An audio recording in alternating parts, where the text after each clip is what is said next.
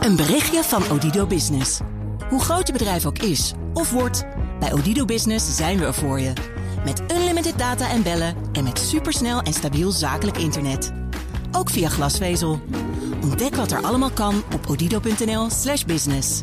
Het kan ook zo.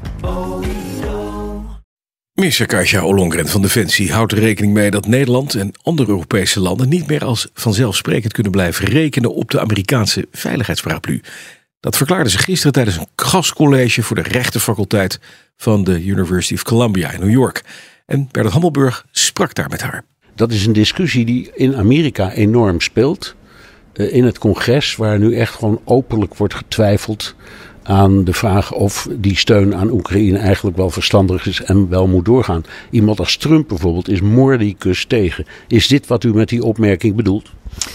Ja, die opmerking was eigenlijk tweeledig. Dus de ene is inderdaad, we hebben een Amerikaanse president gehad, uh, die eigenlijk ook gewoon ons één bekritiseerde dat we de 2% niet haalden. Maar twee, ook een hele andere politiek erop nahield dan we eigenlijk gewend waren van eh, de Amerikanen. Dus dat is één van, één van de twee redenen waarom we niet vanzelfsprekend uit kunnen gaan van die Amerikaanse veiligheidsparaplu. Waar we ons achter of onder kunnen verschuilen. En het tweede is natuurlijk dat er heel veel aan de hand is in de wereld. En dat ook de Amerikanen andere zorgen hebben dan alleen maar Europa.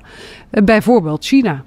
dus de Amerikanen hadden eigenlijk de afgelopen jaar, afgelopen twee jaar, waren ze eigenlijk vooral met China bezig. En daarna pas uh, Oekraïne, Rusland en de oorlog die daar gaande is. Dat is voor ons anders. Wij zijn meer, denk ik, met Oekraïne bezig. En dus met de dreiging die vanuit Rusland uitgaat. We zijn bezig met de Balkan, met Sahel. De dingen weer wat dichter bij Europa. Maar wij moeten ons ook verhouden tot een uh, assertief China.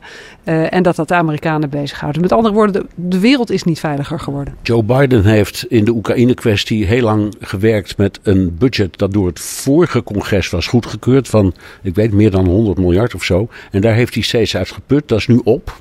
Nu heeft hij voor het eerst bijgevraagd. De Senaat roept meteen, dat is goed. Het huis zegt, wacht even. We weten in ieder geval meegaan. Schrikt u daarvan? Ja, en ik vind het. Uh, ik denk dat het voor een deel de verkiezingen zijn die hun schaduw vooruit werpen.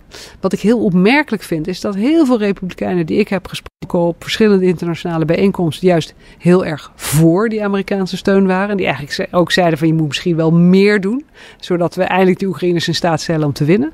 Maar toch door die verkiezingen, door Trump en ook door andere presidentskandidaten van Republikeinse huizen, is er ook een ander geluid uit de Republikeinse partij. En dat past in uh, een, een, opmerking die u ook maakte. Vrede in Europa is in het belang van de Verenigde Staten. Heel veel van die mensen waar u het net ook over had, die daaraan twijfelen, die zeggen dat is helemaal niet waar. Wat kan ons Oekraïne eigenlijk schelen? Ja. Nou, die kennen hun eigen geschiedenis niet, want de Monroe-doctrine van 1823 die legt heel duidelijk uit dat je ook elders in de wereld uh, moet toeslaan, anders komt je eigen veiligheid in gevaar. Maar toch, het is een sterke stem en een grote stem. Als Amerika op de een of andere manier nu afvalt, Trump wint, kunnen wij het alleen? Nou, dat is uh, een moeilijk te beantwoorden vraag. Uh, de steun aan Oekraïne. Ja, we doen nu als Europa ongeveer de helft, hè, samen met de Verenigde Staten. Uh, maar bijvoorbeeld ook de NAVO en de kracht van de NAVO, ja, daar is de Verenigde Staten zijn daar een cruciale partner in. Dus ik denk dat het eerlijke antwoord is dat we op dit moment en op korte termijn dat echt niet alleen kunnen. Uh, dat het cruciaal is dat we als Europa gewoon meer gaan doen. Uh, en dat we er naartoe gaan dat we sommige dingen wel alleen kunnen. Maar als we het hebben over de NAVO, over collectieve verdediging, dat kan alleen met de Verenigde Staten. Kun je zeggen, ten slotte, dat met Trump en Biden als uh, kandidaten en de Oekraïnse oorlog die voortwoekert, dat we allemaal met geknepen billen kijken naar um, november van volgend jaar, naar die Amerikaanse verkiezingen? Nou, het zijn hele belangrijke verkiezingen. Uh, ja, aan de andere kant, er zijn altijd ergens wel verkiezingen. En ook in de Verenigde Staten moet je kunnen vertrouwen op de instituties. Uh, de NAVO is zo'n belangrijke institutie uh, waar zij lid van zijn. Ze hebben hier ook checks en balances. Dus hoewel we er ons zorgen om kunnen maken, ehm, we kunnen er ook niet heel veel aan doen. Dus wat we wel kunnen doen is te zorgen dat wij zelf die 2% halen.